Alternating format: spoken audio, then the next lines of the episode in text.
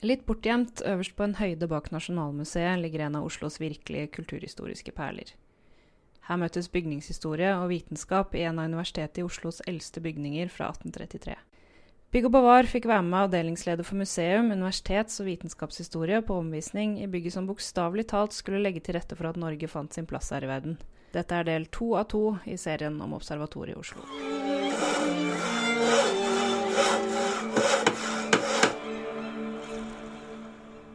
Vi åpner disse store dørene, og så ser vi det store hovedinstrumentet.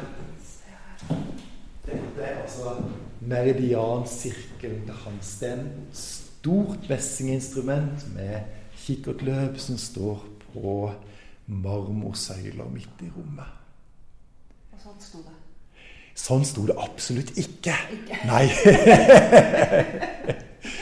Hele greia var fjerna. Og på 1950-tallet så ga universitetet hele instrumentet til Teknisk museum. De hadde aldri stilt det ut, så det lå det på lager. Eh, disse marmorsøylene som det hadde stått på, de var for lengst forsvunnet. Eh, så her eh, måtte for det første instrumentet tilbakeføres. Teknisk museum har vært en utrolig god støttespiller de konserverte mange av instrumentene våre, inkludert dette. Og de har langtidsdeponert hos oss. Så da eh, måtte vi også finne ut hvordan disse marmorsøylene hadde vært fra starten av. Og vi var utrolig heldige, for nede i, eh, på bakken under oss her, i, under eh, gulvet, så sto det noen stumper igjen av de originale marmorsøylene. Så da kunne vi bruke størrelsen på det og bredden på instrumentet helt øverst. Og prøve å lage sånne vinkler og krumminger som gjorde at det ville stemme. Eh, disse marmorsøylene vi har her, de ble hogd i Fredrikstad. Og de måtte fraktes inn gjennom spalter i veggen. Og det var en ganske nervepirrende prosess. Det var to centimeter på hver side. Så det ble gjort med fjernstyring og en kranbil. Utrolig dyktig kranbilfører som gjorde det. Og så måtte vi få de ned på disse stumpene som sto igjen nede i krypkjelleren for hånd. Og så måtte instrumentet opp. Men her ser du også at rommet har fått tilbake dekoren sin. Over oss her så har vi ei stripe der den helt originale dekoren. Eller så var det overmalt. Eh, det var ganske mye fuktskader her. Men det som var bevart av dekor øverst langs eh, veggene, var nok til at man kunne rekonstruere resten. Så her er det også den litt sånn intense griserosa farven, kombinert med strekdekor i en eh, grønn farve, og så er det en rødaktig strekdekor med palmetter. Litt sånn uvanlig farvekombinasjon for folk i dag, men veldig, veldig i skuddet eh, i denne perioden på 1800-tallet. Det spesielle med dette rommet er også at her har vi det originale tregulvet. Eh, tregulvet er skifta ut mange steder i huset, men her er det ikke bare det at det er det samme som man gikk på på 1830-tallet, men det er også den samme malinga.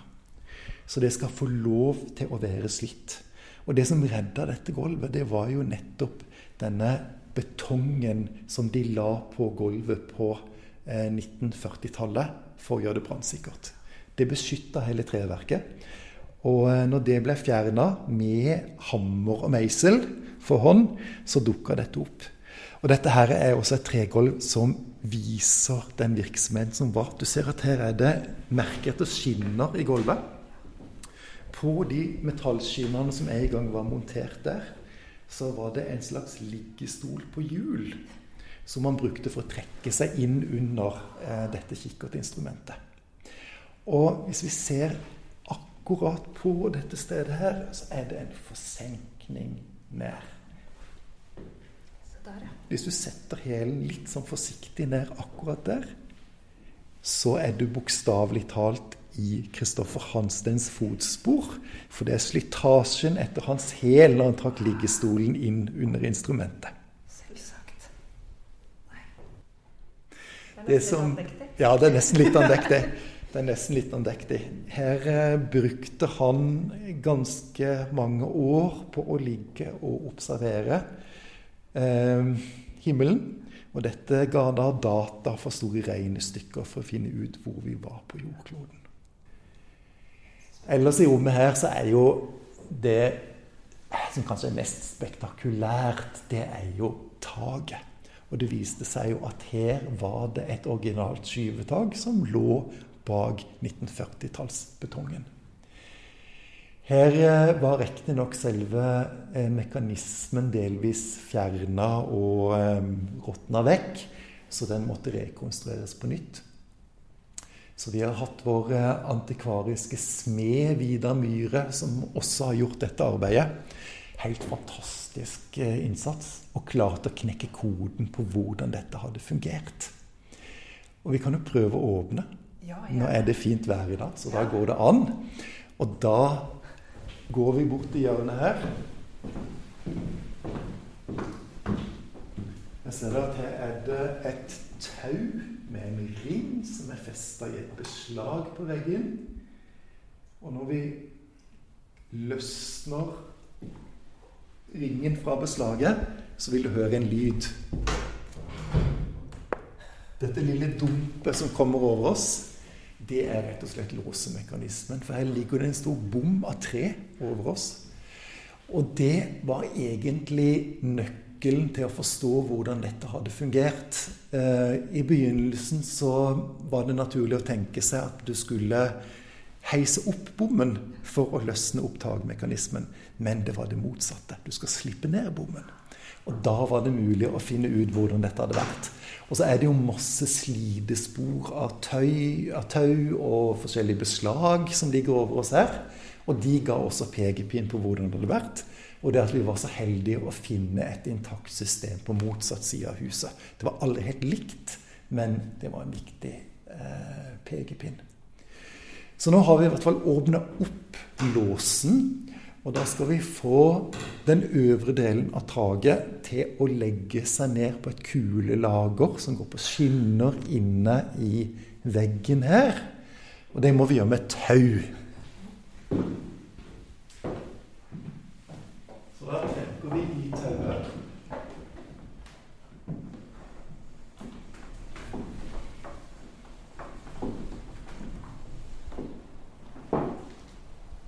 Da har vi en spalte opp. Her har vi også lemmer i veggene. Og for å se ut på landskapet, og for å få sikt fra nord til sør, så må vi selvfølgelig også åpne lemmene. Og de glir inn i sånne klimahulrom eh, som er i dette rommet her er det doble vegger. Det er lufta mellom veggene skal holde på, på, temperaturen. Så er det to fluer i samme smekk. Og så løsner vi disse jernbeslagene litt trått på vinterstid. Og vi tar det andre. Denne nok litt mer i bruk. Da ser vi heller mot nord og Nasjonalbiblioteket. Åpner vi beslagene.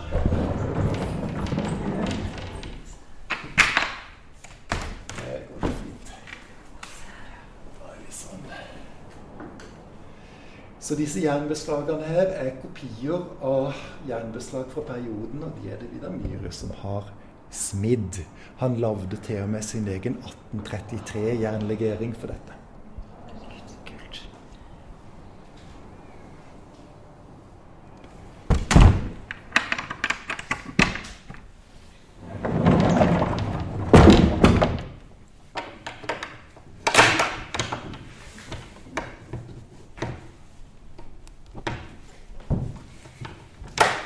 Da skal vi gå opp i observasjonstårnet. Her er det et uh, rom i trappeløpet som hadde skav opprinnelig, der det sto eh, forskjellige former for instrumenter som man tok med opp i tårnet. Og det eh, rommet var også blitt brukt til toalett og bøttekott. Så vi fikk gjenskapt rommet sånn som det var. Og da ser vi jo at herfra så er det mulig å gå inn i resten av huset over galleriet i rotunden. Eller så kan man gå trappa opp til tårnet. Og dette her er en sånn skikkelig smal, kronglete trapp opp. Det er litt sånn Askepott Disney-følelse her. Så vi får bare begynne å klatre.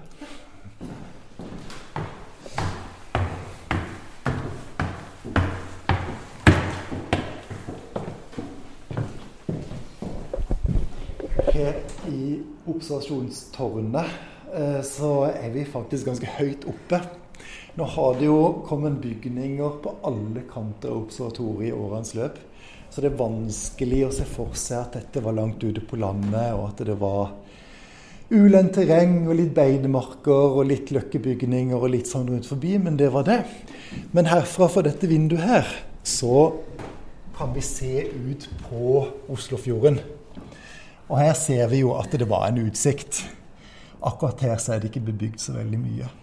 Og her kan vi også se rett ut på Lindøya. Der står det fremdeles en obelisk som ble brukt som et sånt eh, siktemål for eh, instrumentene her. Man hadde sånne faste punkt rundt i landskapet som man brukte i den vitenskapelige virk virksomheten. Vi ser jo også her at det er takterrasser på hver side, og så er det hyller utenfor vinduene. Og der kunne man ta med seg små instrumenter ut, og så observere forskjellige ting. Det kunne man også gjøre gjennom vinduet med å åpne de. Selve rommet her er sirkelrundt, og nå er vi over kuppelen i rotunden, inngangspartiet. Veldig sær konstruksjon på dette tårnet. I de aller fleste observatorier i verden så går det ofte en stor søyle gjennom hele huset, som da støtter opp hovedinstrumentet øverst i tårnet. Det har vi ikke her. Det var sikkert altfor dyrt.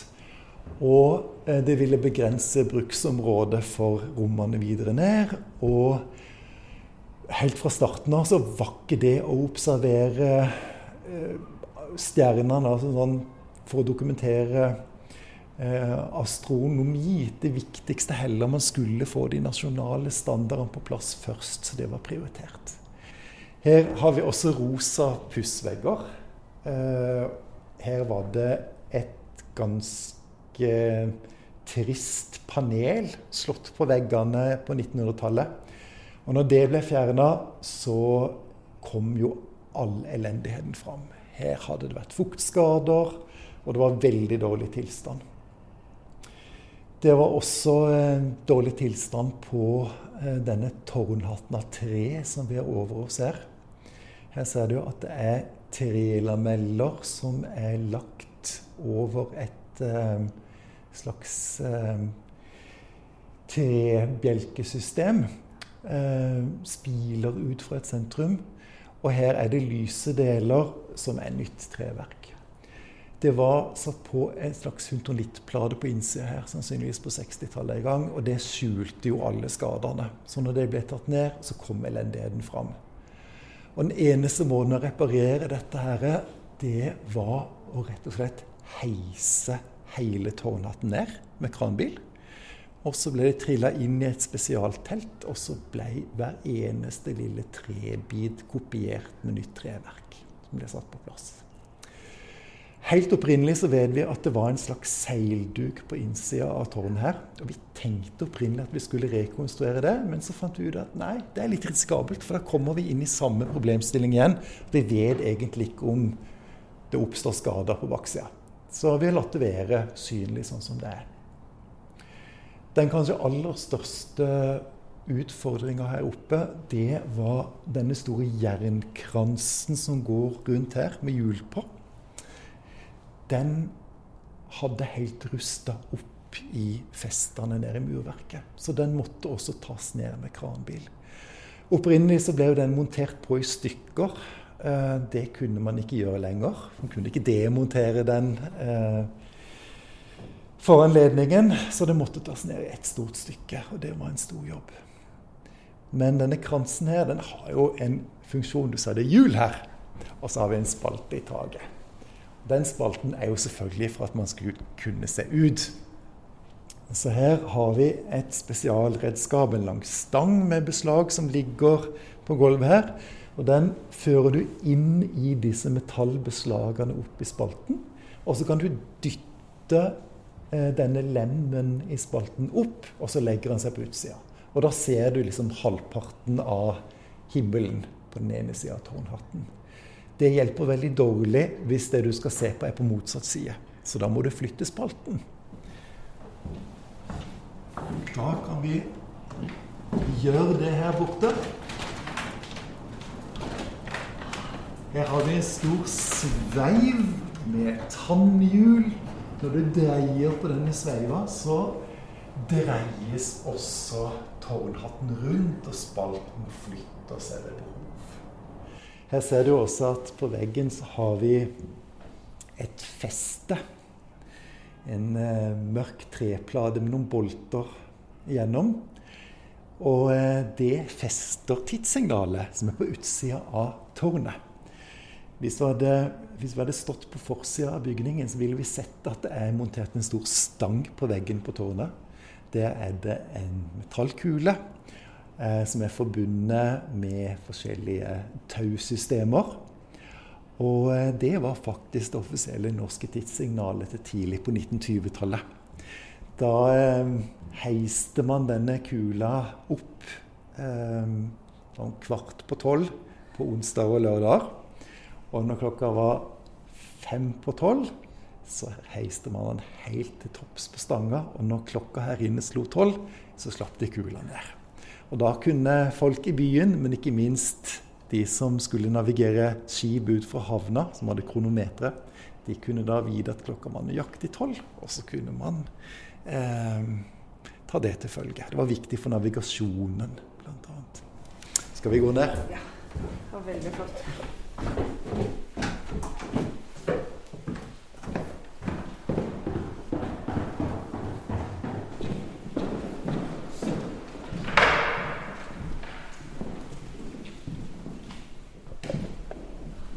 Nå er vi inne i et rom som var samme type bleigule farge som vi har sett ellers i observatoriet. Og dette var nok et kontor opprinnelig. Eh, akkurat dette rommet hadde en litt sånn artig problemstilling eh, når vi skulle restaurere. For her er det et mindre vindu litt høyere oppe på veggen. Nå har vi riktignok dekka det bak eh, en plansje, rett og slett fordi det kommer sollys inn der som ikke er så bra for gjenstandene. Men det er et vindu som kom til etter at bygningen var ferdig. Og det var viktig å eh, gjenskape den lysvirkningen som hadde vært her, fordi det var så viktig den gang for den vitenskapelige virksomheten. Så det var en diskusjon. Skal man eh, forblende de små, senere vinduene, eller skal man ikke gjøre det? Er det en del av husets historie? Hva skal man egentlig velge? Men så dukka det opp et brev skrevet av professor Hansten. Og Da skriver han til en venn at uh, hans datter Åsta kommer hjem fra akademiet. Og Åsta Hansten, som vi tenker på som kvinnesakskvinne hovedsakelig i dag, var jo da en av de aller første kvinnelige profesjonelt utdanna malerne i Norge. Hun har kommet eh, tilbake igjen til byen her og eh, flytter inn hos faren i observatoriet. Og han skriver at Åsta trenger et sted der hun kan stå og male. Og Så skriver han også at han har et rom i andre etasje i observatoriet som ikke er så mye i bruk. Så han forbedrer lysforholdene, sånn at Åsta kan bruke det som atelier. Og vi tror det må være her. Så det betyr at under dette lille vinduet så hadde Åsta Hansten et staffeli. Og det var nok der hun malte flere av disse portrettene som er i Nasjonalmuseet i dag. Og det er klart at Da kan man ikke begynne å eh, tette igjen det vinduet det har som en kulturhistorisk dimensjon som er verd å ta vare på. Så da har vi rett og slett eh, dekket bak en plansje, og da får vi også skjerma for sollyset. Ja, så eh, det var løsningen vi landa på der. Da skal vi ta og gå inn i eh, familien Hansens leilighet. For her er professorleiligheten. Og da går vi først gjennom noen rom som blir brukt, blir brukt som klasserom i dag. Og så skal vi gå inn i noen rom som eh, vi jobber med å lage en eh, innredning fra sånn rundt 1840.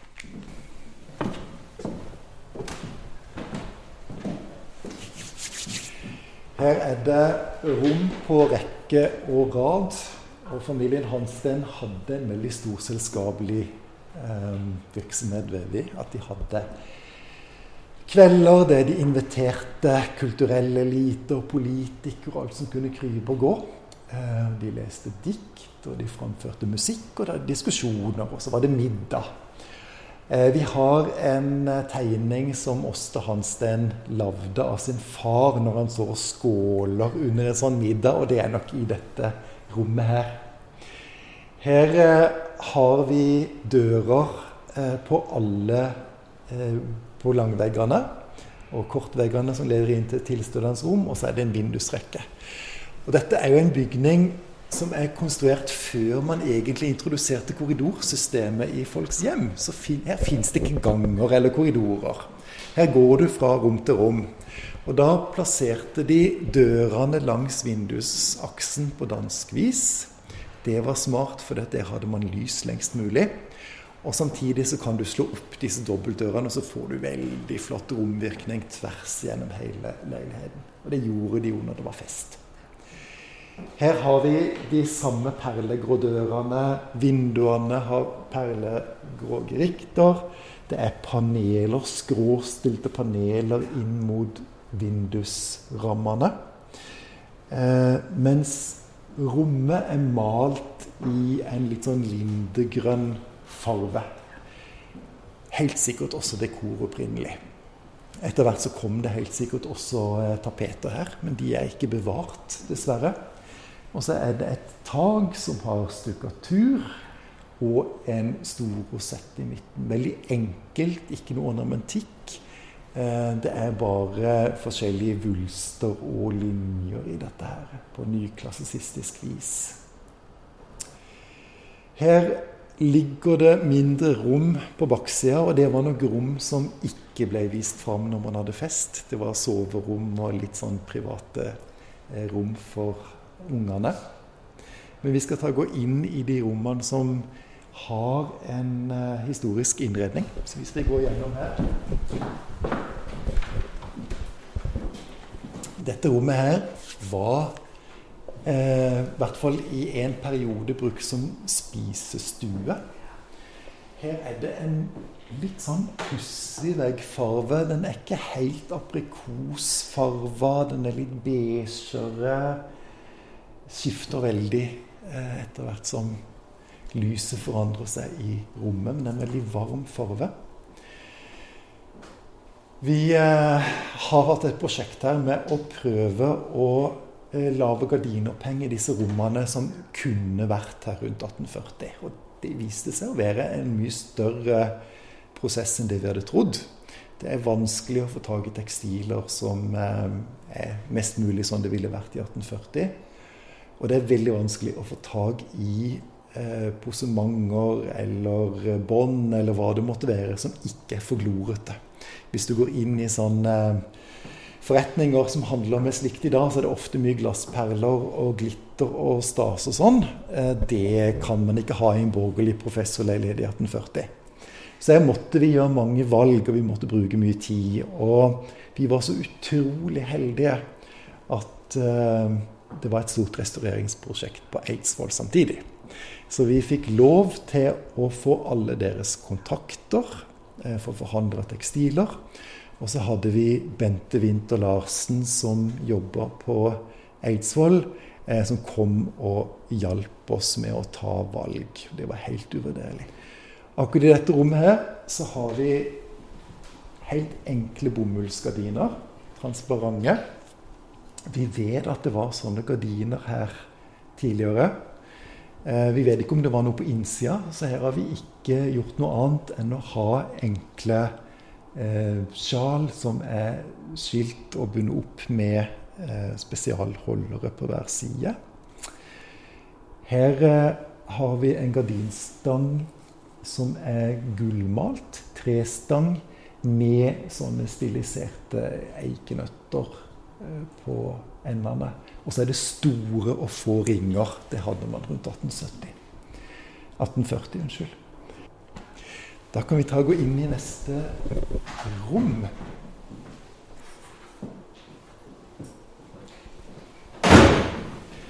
Dette rommet her var helt i begynnelsen kjøkken. Og så eh, flytta de kjøkkenet ned i første etasje. Og da tror vi at dette var i bruk som professorens soverom. Og her er det jo en ordentlig sær farge på veggene. Eh, den skifter også veldig med lyset, men den er litt sånn fleskebeige på et vis, kanskje. Eh, brunaktig. Eh, ter lys terrakotta, hva skal man kalle det? Litt rosa inn også. Eh, og det var vel kanskje den fargen som man tenkte at hm, dette blir interessant når vi skal bruke den. Men eh, som alltid så blir man veldig glad i disse fargene. Og det er jo det som kler huset, og det var sånn det skal være. Hvor lenge bodde han her? Han bodde her fram til begynnelsen av 1870-tallet, så han fikk bo etter at han var eh, blitt pensjonist. Men vi har bilder på veggene her som eh, har vært i familiens eie. Eh, så noe ble igjen på universitetet.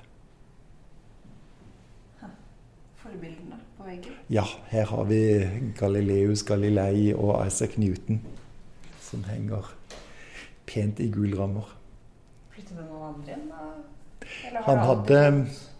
Det bodde, det bodde en professor her fram til observatoriet ble nedlagt på, på 1930-tallet. Ja, det gjorde det. Så det var viktig å ha en tjenestebolig her. Og så har vi også en trebygning utenfor som vi kaller for Stallen. Og det var stall, men en del av det var også etter hvert eh, bolig for eh, assistenten hans, som ble kalt observatoren. Og så var det også flere små bygninger rundt i parken her. De fins jo ikke lenger. De ble revet når man bygde det nåværende Nasjonalbiblioteket eh, på eh, 1910-tallet. Vi vet jo ikke så veldig mye akkurat om hvordan de hadde møblert akkurat disse rommene, så det blir jo en sånn idé om at sånn kunne det vært. Men eh, vi har heldigvis eh, funnet auksjonskatalogen fra eh, når familien auksjonerte vekk møbler etter Hansteins død på 1870-tallet. Og vi må jo anta at det som de auksjonerte vekk, det var møbler som ikke de ville beholde sjøl, og som kanskje ikke var moderiktig lenger. Og at det var de møblene de hadde fra starten av. Så dermed så har vi lagt oss på den type møbelstiler og den type møbler. Viser vi Anne? Nei. Ja, nei, vi er egentlig rundt Ja.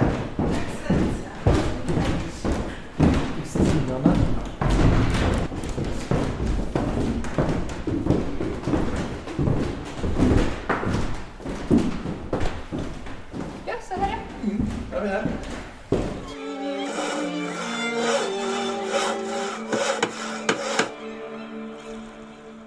Du har hørt episode to av to om Observatoriet i Oslo. Tusen takk til Bjørn Vidar Johansen fra Kulturhistorisk museum for den fantastiske omvisningen. Jeg heter Anette Ramstad, og jeg jobber i Bygg og Bevar, som også lager denne podkasten. Er du interessert i bygningsvern, kulturminnevern, tradisjonshåndverk, eller bare er glad i gamle hus? Besøk oss på byggbevar.no, da vel. Bygg og Bevar på Facebook, eller følg oss på Instagram på Bygg og Bevar.